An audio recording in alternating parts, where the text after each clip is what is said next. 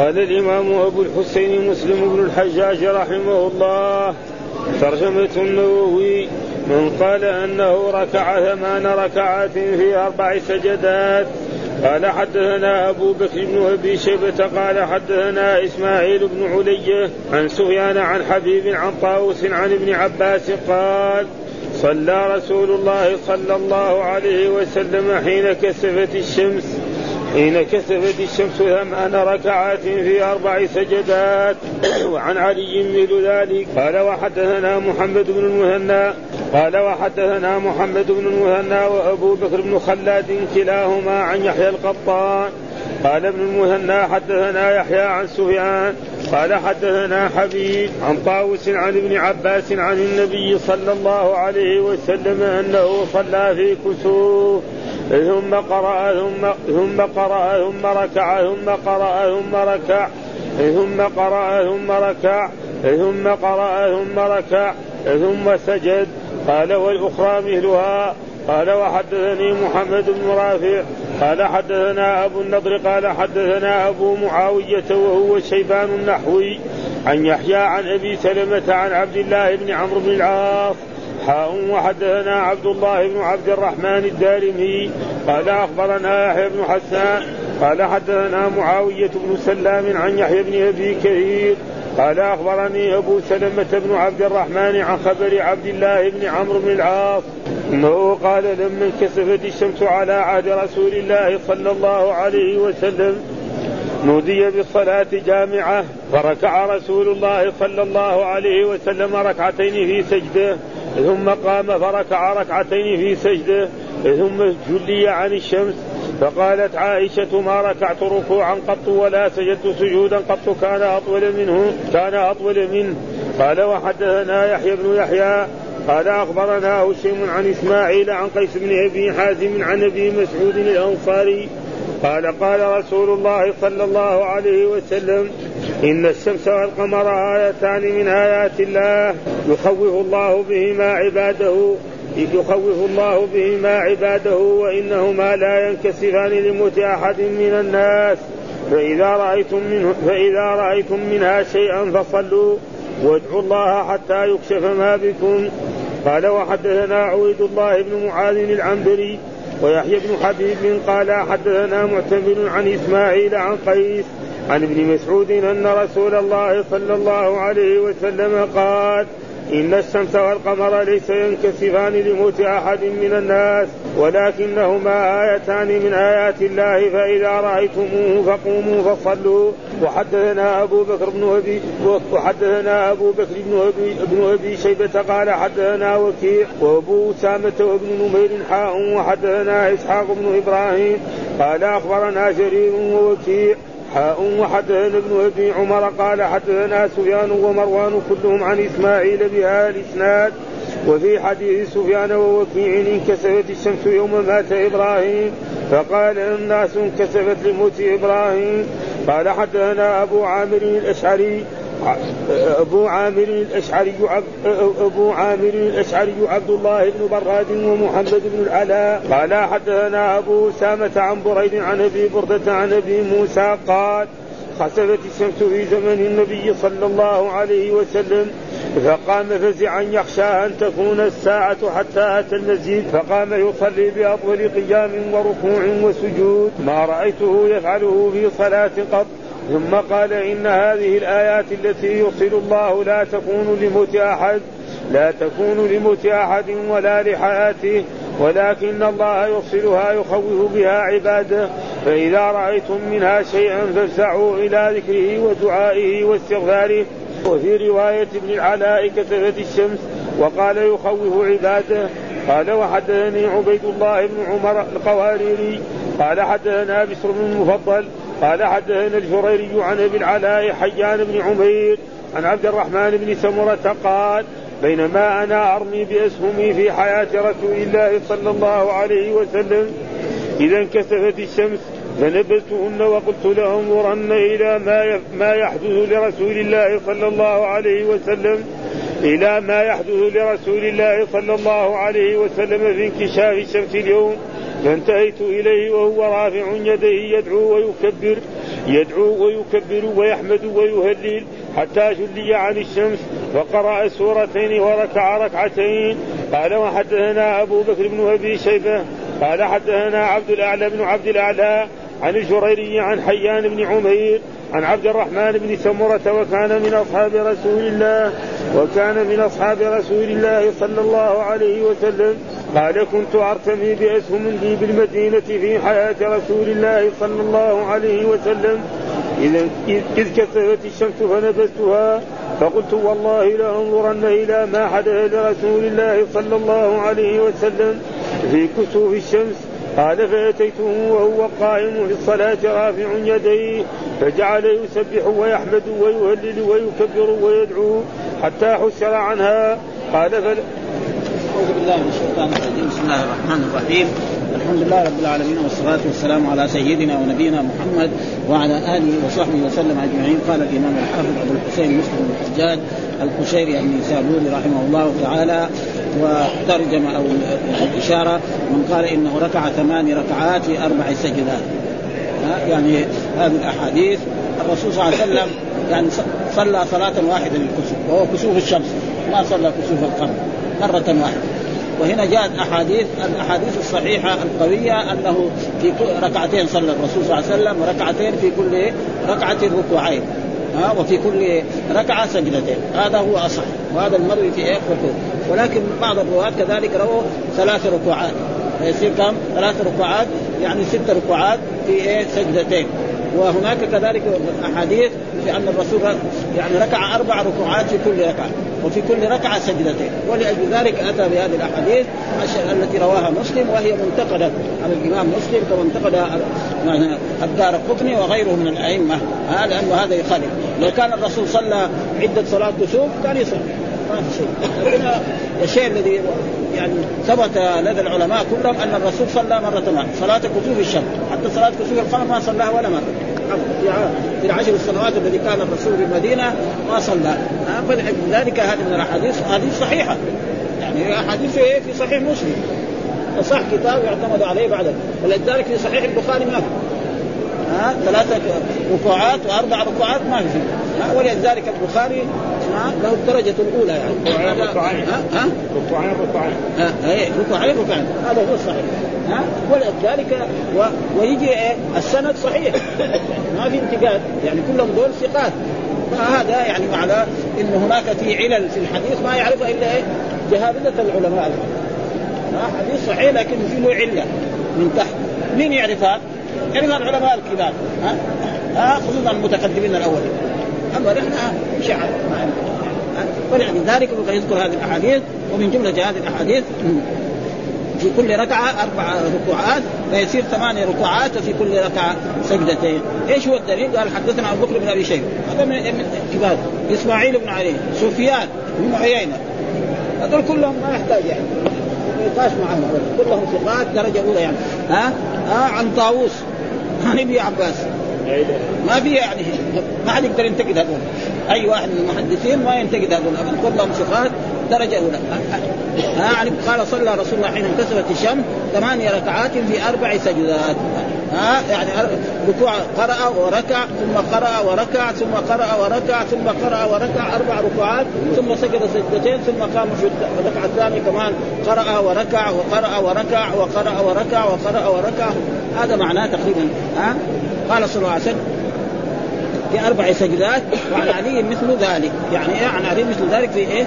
مثل آن وهذا من الأحاديث المنتقى وقال كذلك الإمام مسلم وحدثنا محمد بن المثنى وأبو بكر بن خلاد كلاهما عن يحيى القطان. هذا كرم من أئمة الحق قال ابن المثنى حدثنا يحيى عن سفيان. وهو سفيان بن عيينة. قال حدثنا حبيب عن طاووس عن ابن عباس عن النبي صلى الله عليه وسلم أنه صلى في كسوف. أول كبر وقرأ ثم ركع ثم قرأ ثم ركع ثم قرأ ثم ركع ثم قرأ ثم يعني هنا تفصيل. وهذه هذه ما يمتاز به الإمام مسلم. يعني هذاك مجمل شوية هنا إيه تفصيل. ركع مرة ركع الثانية الثالثة الرابعة الاخيره إيه أربع ثم في الركعة الأخيرة كمان ركع أربع ركوعات. فإذا إيه يعني أحاديث صحيحة ما فيها أي مطعن ولكن هذه الأحاديث يعني لها علة وهو أن الرسول ما صلى إلا صلاة واحدة من الكسوف وهذا تقريبا فإيش يكون؟ يعني قد يكون وهم أو نسيوا هؤلاء العلماء وهذا موجود.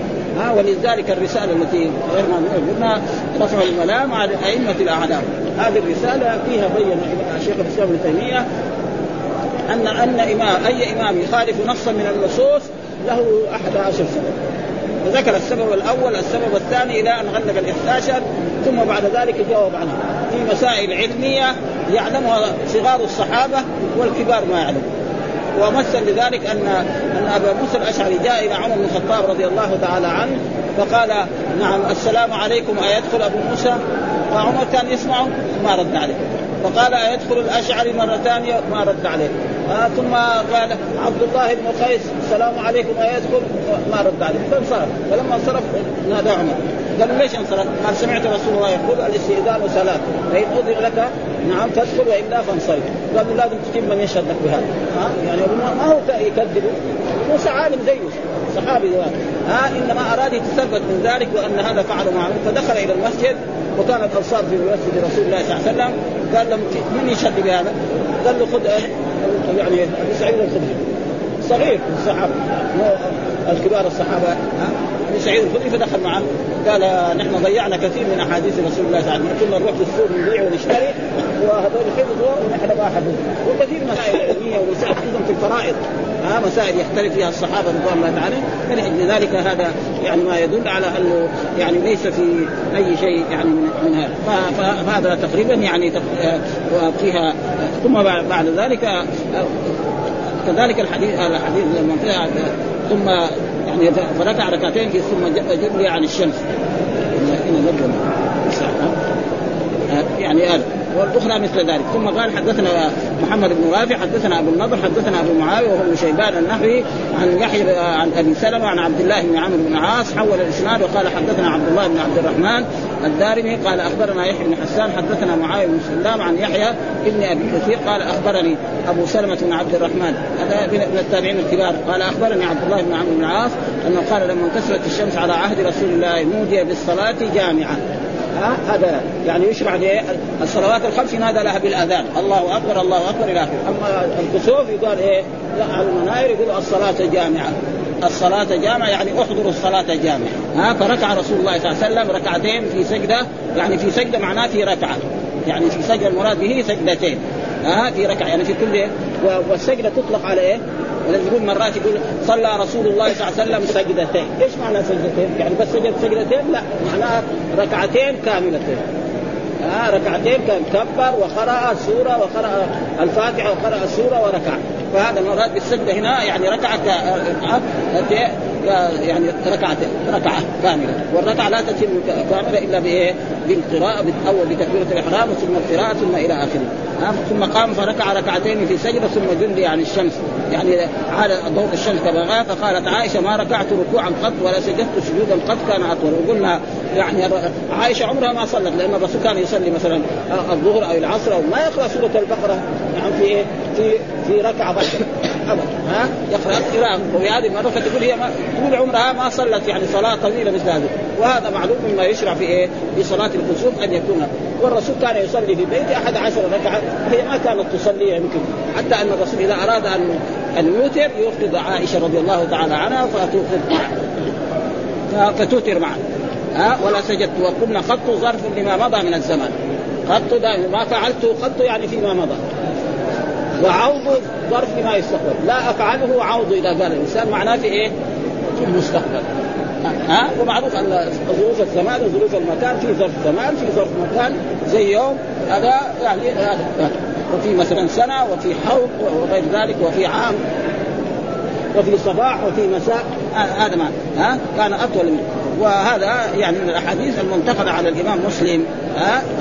وقال كذلك الإمام مسلم وحدثنا يحيى بن يحيى أخبرنا هشيم عن إسماعيل عن عن قيس بن أبي حازم عن ابن مسعود الأنصاري قال قال رسول الشمس والقمر آيتان من آيات الله يخوف بهما عباده وإنهما لا ينكسفان لموت أحد من الناس فإذا رأيتم شيئا فصلوا وادعوا ها الله حتى يكشف ما بكم. وهذا يعني كان أهل الجاهلية يقول أن إذا حصل كسوف الشمس أو كسوف القمر معناه ان لموت عظيم من العظماء أو لحصول شيء. فبين الرسول صلى الله عليه وسلم أن الشمس والقمر آيتان يعني علامتان من علامات قدرة الله سبحانه وتعالى على عباده وانهم لا ينكسفان لا لموت أحد ولا لحياته. ها فإذا والناس قالوا لما مات الرسول إبراهيم أن الشمس انكسرت بذلك وهذا لا أصل لها فاراد الرسول صلى الله عليه وسلم أن يزيل ما كان في إيه؟ عند الجاهلية. قال فصلوا ها صلوا. ها ولذلك بعضهم قال يصلي إيه؟ يعني ركعتين ركعتين. زي المالكيه ما يقولوا يعني يشرع صلاة الكسوف في كتب المذهب. ها ولكن الصحيح إنه إيه؟ يشرع آه صلاة ركعتين طويلتين جدا فيها ركوعين أو فيها ثلاث ركعات كبعض الأحاديث. وادعوا الله حتى يكشف ما بكم.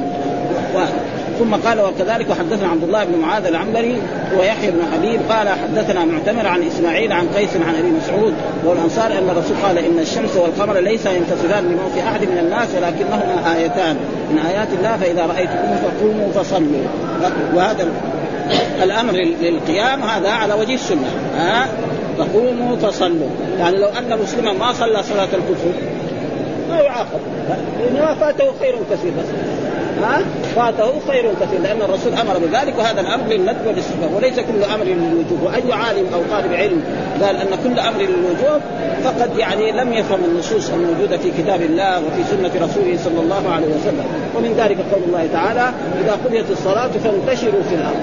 فانتشروا هذا فعل أمر. يعني إذا صلينا الجمعه لازم نخرج من المسجد ما حد وقال وإذا حللتم فاصطادوا. يعني إذا انتهيتم من الإحرام أيها المسلمون خذوا بندقيه وروح اجري ورا الطيور. يعني مباح يبغى يخرج يتفضل. يخرج من عرفة هناك ويروح يصير. هذا معنى. وكثير هذا موجود أحاديث من ذلك. صلوا قبل المغرب صلوا قبل المغرب. وأي طالب علم أو هذا قال هذا وهو ما فهم النصوص على ما ينبغي. وجميع العلماء إلا بعض العلماء يعني قديما وحديثا يقول هذا الكلام. ثم وقال كذلك حدثنا أبو بكر بن أبي شيبة حدثنا وكيع وأبو أسامة وابن نمير حول الإسناد وقال حدثنا إسحاق بن إبراهيم. هذا يعني زميل الإمام أحمد. قال أخبرنا جرير ووكيع حدثنا ابن أبي عمر. حدثنا سفيان ومروان كلهم عن إسماعيل بهذا الإسناد وفي حديث سفيان ووكيع آه، انكسفت الشمس يوم مات إبراهيم فقال الناس انكسفت لموت إبراهيم فبين الرسول أنها لا تنكسف لا لموت أحد ولا لحياته أبدا إنما هي علامه من علامات قدرة الله سبحانه وتعالى. وحدثنا أبو عامر الاشعري وعبد الله بن براد ومحمد بن العلاء قال حدثنا أبو أسامة عن بريد ها عن أبي بردة عن أبي موسى قال خسفت الشمس في زمن النبي صلى الله عليه وسلم ها فقام فزعا يخشى أن تكون الساعة. ها لأنه يخشى الساعة الرسول يقول بعثت أنا والساعة كهاتين. وفرق بين إيه؟ الوسطى والصغرى والآن مضى هذه المدة يعني و... و... وإلى الآن. ليه؟ لأن الله كل آت قريب ولذلك الله يخبر عن قيام الساعة بالفعل الماضي. يقول نعم أتى أمر الله. ما حد يجوز واحد شيء ما يقول اتى ها ويقول ونفخ في الصور شو يعني ما نفخ الآن. واقتربت الساعة إلى غير ذلك فهذه أشياء للرب سبحانه أما المخلوق لا يقول مثلا أدخل ولد المدرسة وهذا ينجح. ما يقول نجح محمد قبل ما ينجح. لا يصح هذا ابدا في اللغة العربية. ها؟ ولذلك يعني تقريبا هذا ما يدل عليه يعني الأحاديث وكذلك آه، قال فأتيت بقوله عبادة. اليوم الذي مات فيه حتى يتجن فقرأ سورتين وركع ركعتين. قرأ سورتين وركع إيه؟ ركعتين. ها؟ سورتين يعني يمكن طول. ومعروف أن بعض الصحابة مر علينا أنه قرأ سورة البقرة. سورة البقرة جزئين ونصف. هنا قال سورتين. وحدثنا كذلك أبو بكر بن أبي شيبة حدثنا عبد الاعلى آه، بن عبد الاعلى عن عن جرير عن يحيى بن عمير عن عبد الرحمن بن سمر وكان من أصحاب رسول الله صلى الله عليه وسلم قال كنت أرتمي. إيش معنى أرتمي؟ يعني اترامى يعني وهذا من الأشياء يعني زي ما يقول من الرياضة التي أمر بها الإسلام. ها في رياضة أمر بها الإسلام. إيش هي الرياضة التي أمر بها أنه يأخذ هذا يترامى ها يتعلم كيف الرمي كيف يصيب الهدف حتى إذا جاهد يقدر وكذلك مثلا يكون عنده فرس يعلم الكر وال... ها؟ هذا شيء موجود. كذلك مثلا بالإبل. لكن دحين جاء أشياء ثانية. جاءت الكورة وجاء أشياء ها؟ هذه كلها للشيطان الرجيم. لانها تضيع الوقت فيها ابدا. ما في شك يعني ها؟ الجماعه اللي يلعبوا الكره يقعد يعني اللعبة لازم ساعة ونص. إلى الصلاه ساعة ونص لازم. هذا في إيه وقت اللعب؟ وشوف قبلها قد إيش وهذا ما هو من الرياضة التي يأمر بها الله أو يأمر بها الرسول صلى الله عليه وسلم. وكذلك مثلا الرجل يلاعب زوجته ويمازحها هذا شيء تمام وغير ذلك تقريبا ممنوع ولذلك كان يرتمي وكان الرسول يأمر أصحابه أن يتراموا ويتعلموا الرمي حتى أنه جاء مرة من المرات ووجد بعض الصحابة يرمون فقال أنا أنا معكم أنا مع الجو قالوا طيب إذا كنت مع من يصير ضده ها؟ ها؟ فقال أنا معكم جميعا. لذلك مثل هذا أشياء جائزة. يعني لا يسمى فإذا إنسان مثلا أخذ خرج إلى الخارج وأخذ هذا والسارق يرمي فهذا يعني شيء ممدوح. قال في حياة رسول الله صلى الله عليه وسلم التسفت الشمس وقل ظرف لما مضى من الزمان. يعني هذا شيء ماضي. ها؟ فنبذتها فقلت والله لأنظرن إلى ما حدث لرسول الله. لأنه عمره ما صار كسوف. والرسول هو المشرع. طيب لما احتسب إيش يساوي الرسول؟ يقرأ يصلي هذا يفعل. فأنا لازم أروح المسجد أشوف عشان أستفيد أنا فائدة علمية وأعلم الناس كمان. إن كسرت الشمس على عهد رسول الله صلى الله عليه وسلم وفعل كذا وأنتم أيها التابعين اللي جيتوا بعد الرسول افعلوا. ها؟ لأن الله أمر بأصحابه؟ بهذا الشيء. ما حدث لرسول الله صلى الله عليه وسلم في قال فأتيته وهو قائم في الصلاة. ها رافعا يديه فجعل يسبح ويحمد ويهلل ويكبر. ومعلوم انه ليس معنى كان يقول سبحان الله والحمد لله ولا إله إلا الله. ها معناه الواحد لما يقرأ الفاتحة. فيها الحمد لله فيها الرحمن الرحيم. ها فيها إياك نعبد وإياك نستعين. إياك نعبد وإياك نستعين. هي لا إله إلا الله. ليس معناه يعني هذا. وأما في الخطبة فلا بس في خطبة الكسوف يقول هذه الكلمات فهذا ويسبح ويحمد ويهلل ويكبر ويدعو حتى حسر. يعني حتى زال الكسوف يعني عاد ضوء الشمس إلى إلى الشمس. أنا فلما حسر عنها قرأ سورتين وصلى ركعتين. هذا يعني يفهم من هذا الحديث ان الركعتين بعد ما زال الكسوف والأمر ليس كذلك. إنما لما صلى الركعة الأولى الرسول صلى الله عليه وسلم بالقراءة الطويلة كان إيه؟ الكسوف. وعندما صلى الركعة الثانية زال الكسوف. وهو يصلي. لازم يغلق الصلاة. هذا ها؟ لأنه دحين عطف بالواو. هذا يعني ها؟ قال فلما عثر عنه قرأ سورتين وصلى ركعتين. إيش يفهم من هذا؟ أن الركعتين بعد ما, ما زال الكسوف، لا الأمر ليس كذلك، إنما الأمر إيه؟ أن الرسول صلى الله عليه وسلم ابتدأ والكسوف موجود، وصلى الركعة الأولى والشمس منكسرة. وعندما بدأ في الركعة الثانية بقراءتها وتسبيحها وركوعها وسجودها زال الكسوف وبعد ما انتهى من الركعة الثانية قام وخطب الناس. ها؟ فهذا يعني تقريبا وإلا كان يفهم من, من هذا الحديث أن الرسول صلى الله عليه وسلم صلى الركعتين بعد ما زال الكسوف والأمر ليس كذلك. إنما أول ابتدأ الرسول صلى الله عليه وسلم الصلاة وكسوف الشمس يعني على أعلى ما يكون. يعني الشمس لا يبان ها ثم لما انتهى من الركعة الأولى بركوعها وبسجدتها وبالتسبيح وهذا زال إيه الكسوف والرسول يصلي تمم الصلاة ثم قد الركعة الثانية قد زاد. لأنه هذه يبغى على صلاة رسول الله صلى الله عليه وسلم يمكن أخذ أربع ساعات. ها يمكن قرأ إلى سورة إيه النساء أو المائدة. كما هذه ست أجزاء. ها ست أجزاء إلى سورة المائدة. يبغى لها كم؟ يبغى لها أربع ساعات وفيها كمان في كل ركوع بعد كل ركوع يعني ركوعا طويلا. وبعد الرفع من الركوع كذلك قراءة ثم قراءة ثم قراءة. فلذلك يعني يأخذ مدة طويلة ولذلك وصلى ركعتين ليس معناها صلاها بعد ما زال الكسوف وحدثنا محمد بن مسنى وحدثنا سالم بن نوح أخبرنا الجبري عن حيان بن عمير عن عبد الرحمن بن سمر قال بينما أنا أت... أت... أترمى بالسهم أترمى بالسهم بأسهم لي. ها باسهم يعني أرمي باسهم لي على عهد رسول الله صلى الله عليه وسلم. ثم ذكر نحو حديثهما. ها؟ وكذلك مثل الحديث الأول. وحدثنا هارون سعيد الأيلي حدثنا ابن عثمان. ابن وهب أخبرنا عمرو بن الحارث أن عبد الرحمن بن القاسم حدثه عن أبيه القاسم بن محمد ابن أبي بكر الصديق عن عبد الله بن عمر أنه كان يخبر عن رسول الله صلى الله عليه وسلم أنه قال إن الشمس والقمر لا ينخسفان بموت أحد ولا لحد. والأحاديث وهذه يعني بما يمتاز به يعني صحيح الإمام مسلم. كل الأحاديث التي في الباب يجيبها في واحد مثلا. بخلاف مثلا البخاري لا يختار. يعني حديثين في الباب أو ثلاثة احاديث وفي بعض المرات يعني يأخذ الجملة التي يريدها من الحديث بس. خلاص. ها؟ وهذا موجود. يجي في مواضيع يعني الحديث يكون طويل يأخذ الجملة ويجيب لها بسندها. والباقي ما له لأنه ما له حاجة فيه. ها؟ ولذلك تراجم البخاري غير تراجم صحيح مسلم. ها؟ تراجم البخاري يعني أبوابه. ها؟ ترجمة وباب لفظان مترادفان. ما ها؟ باب كذا وترجمة كذا. كل واحد ها؟ فالإنسان له أن يقول ترجمه إيه؟ الباب الفلاني كذا وله أن يقول باب كذا وكذا كل واحد ها؟ بمعنى واحد. يقول أنا أن عبد الرحمن بن القاسم حدثه عن أبيه القاسم بن محمد أن ابن أبي بكر الصديق. وهذول كلهم إيه من الصحابة ومن التابعين. بكر عن عبد الله بن عمر أنه كان يخبر أن عن رسول الله صلى الله عليه وسلم أنه قال إن الشمس والقمر لا ينخسفان بموت أحد ولا لها ولكنهما آية من آيات الله فإذا رأيتموه فصلوا. ها فصلوا. ومعنى يصلوا صلوا ركعتين في كل ركعة ركوعين. وطول من القراءة هذا الذي يلزم.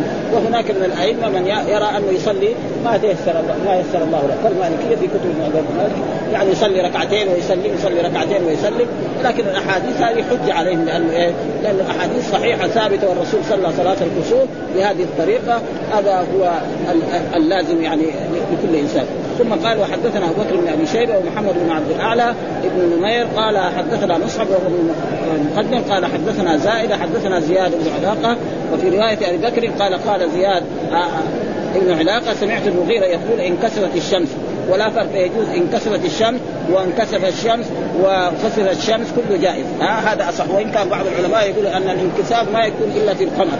ها يقول انخسف القمر. وأما الشمس فلا يقول انخسف ها والصحيح أنه جائز. له أن يقول انكسفت الشمس وله أن يقول انخسفت الشمس. كل واحد ولا فرق في ذلك على عهد رسول الله صلى الله عليه وسلم. يوم مات إبراهيم. ها عشان هذا قال رسول الله صلى الله عليه وسلم إن الشمس والقمر آيتان من آيات الله لا ينكسفان بموت أحد فاذا رأيتموها فادعوا الله وصلوا. ها وفي بعض الروايات تصدقوا هذا إنه هذه قد يكون من إيه؟ من علامات الساعة وكان الرسول صلى الله عليه وسلم من هديه إذا رأى السحاب تجد كما تقدم لنا حديث في إيه؟ في الاستسقاء. غيم تجد الرسول يدخل ويخرج يدخل ويخرج يدخل ويخرج حتى ينزل المطر فإذا نزل المطر نعم استأنس. وزال إيه الحزن والخوف. وأما إذا ما نزل ليخشى أن يكون عذاب. مثل ما قال يعني قوم قوم هود عارض ممطرنا. قال الله تعالى بل هم استعجلتم به ريح فيها عذاب أليم تدمر كل شيء بأمر ربها فأصبحوا لا يرى إلا ونحن نرى في ازماننا هذا يعني يأتي مطر نعم شديد في بعض البلاد فيهلك. الحرث والنسل كما هو واقع في أزمان كل يوم أو كل بعد أيام نسمع حصلت إيه؟ نعم يعني فيضان في الجهة الفلانية. وهلك كذا وكذا. والسبب في ذلك كله إيه؟ من الذنوب يعني. قال فإذا رأيتم فادعوا وصلوا. ونبدا يمكن يعني بعض مثال من كتاب الجنائز. آه، ثم يقول كتاب الجنائز. وهذه يعني تقريبا يعني كتاب الإمام مسلم هذا يعني مرتب على أبواب الفقه. يعني تيجي مثلا تأخذ كتاب في الفقه الشافعي أو في الفقه المالكي أو تجد مرتب زي هذا.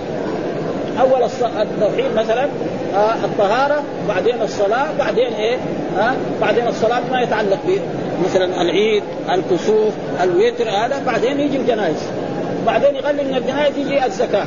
يغلق من, من الزكاة يجي الحج. وهكذا. كأنها كتب.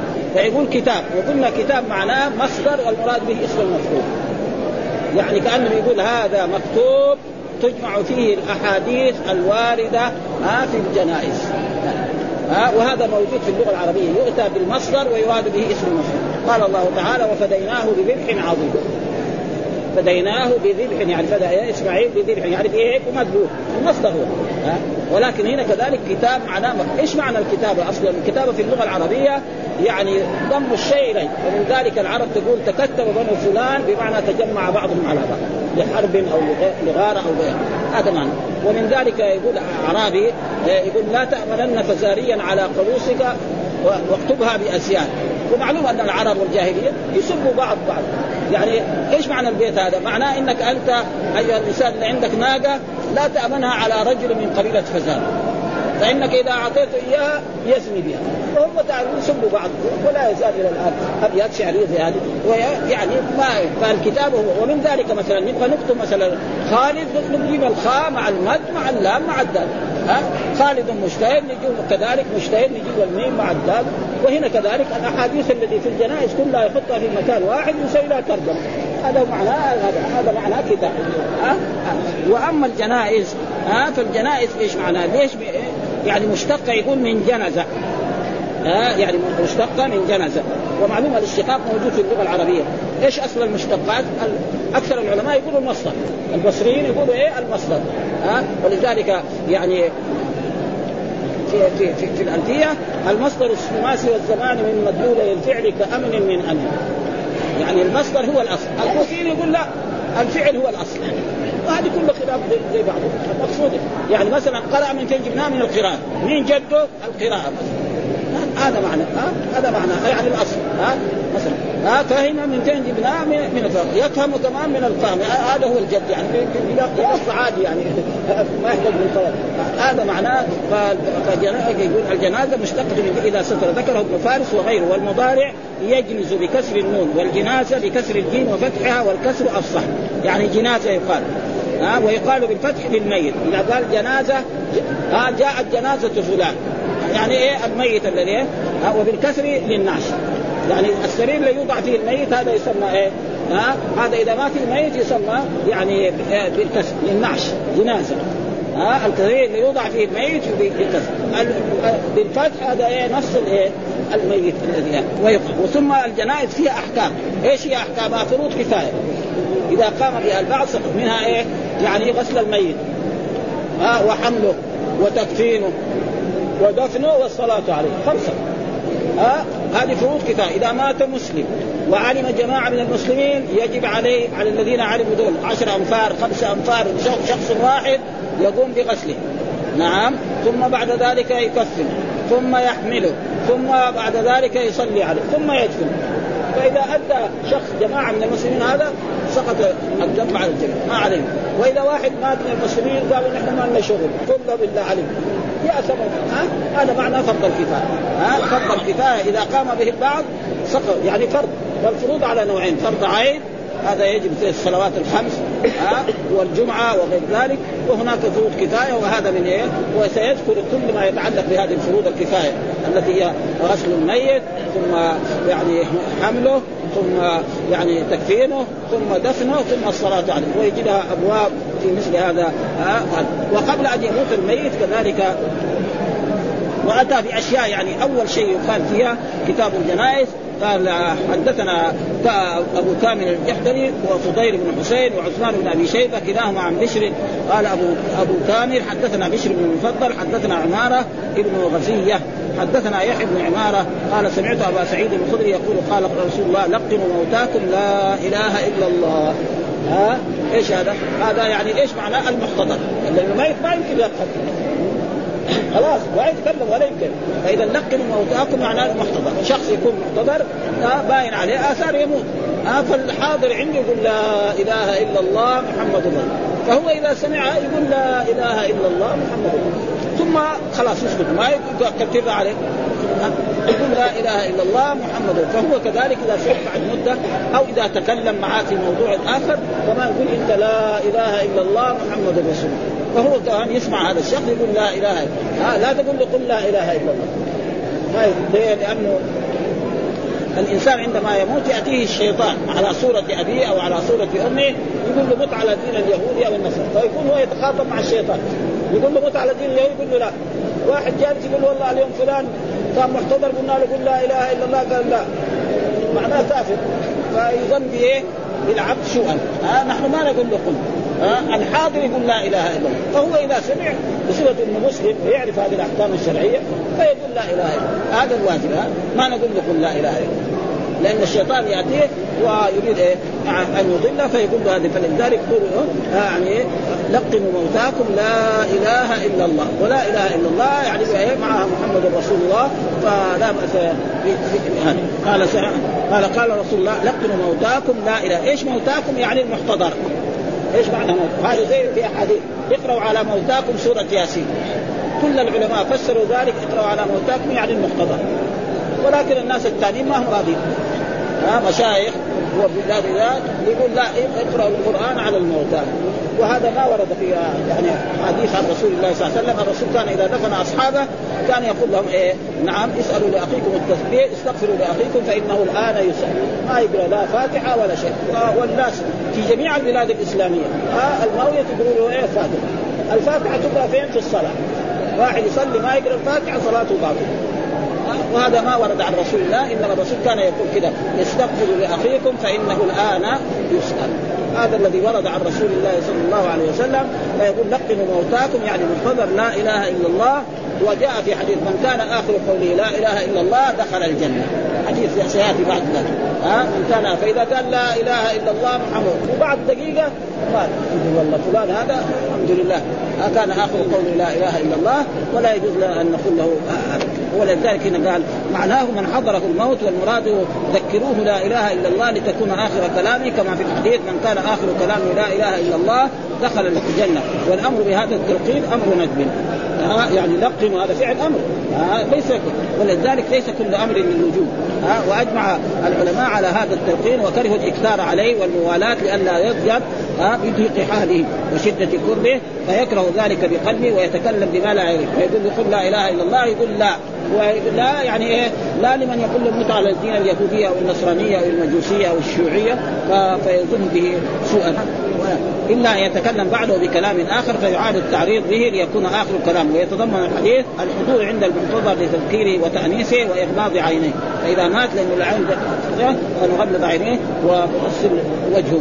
ها والقيام بحقوقه وهذا مجمع عليه.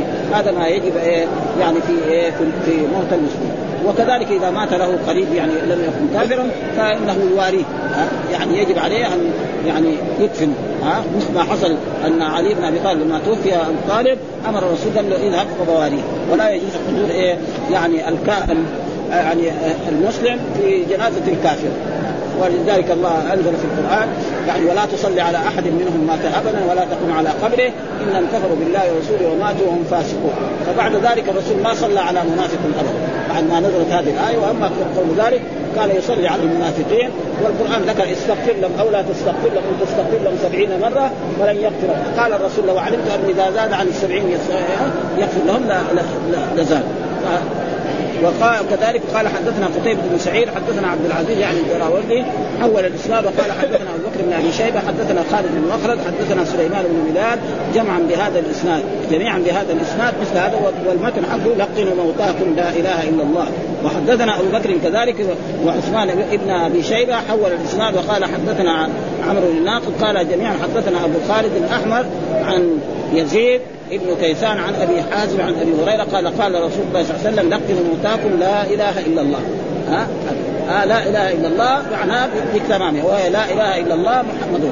هذا هذا الذي وحدثنا كذلك يكفينا إلى هذا المكان والحمد لله رب العالمين وصلى الله وسلم على نبينا محمد وعلى آله وصحبه وسلم.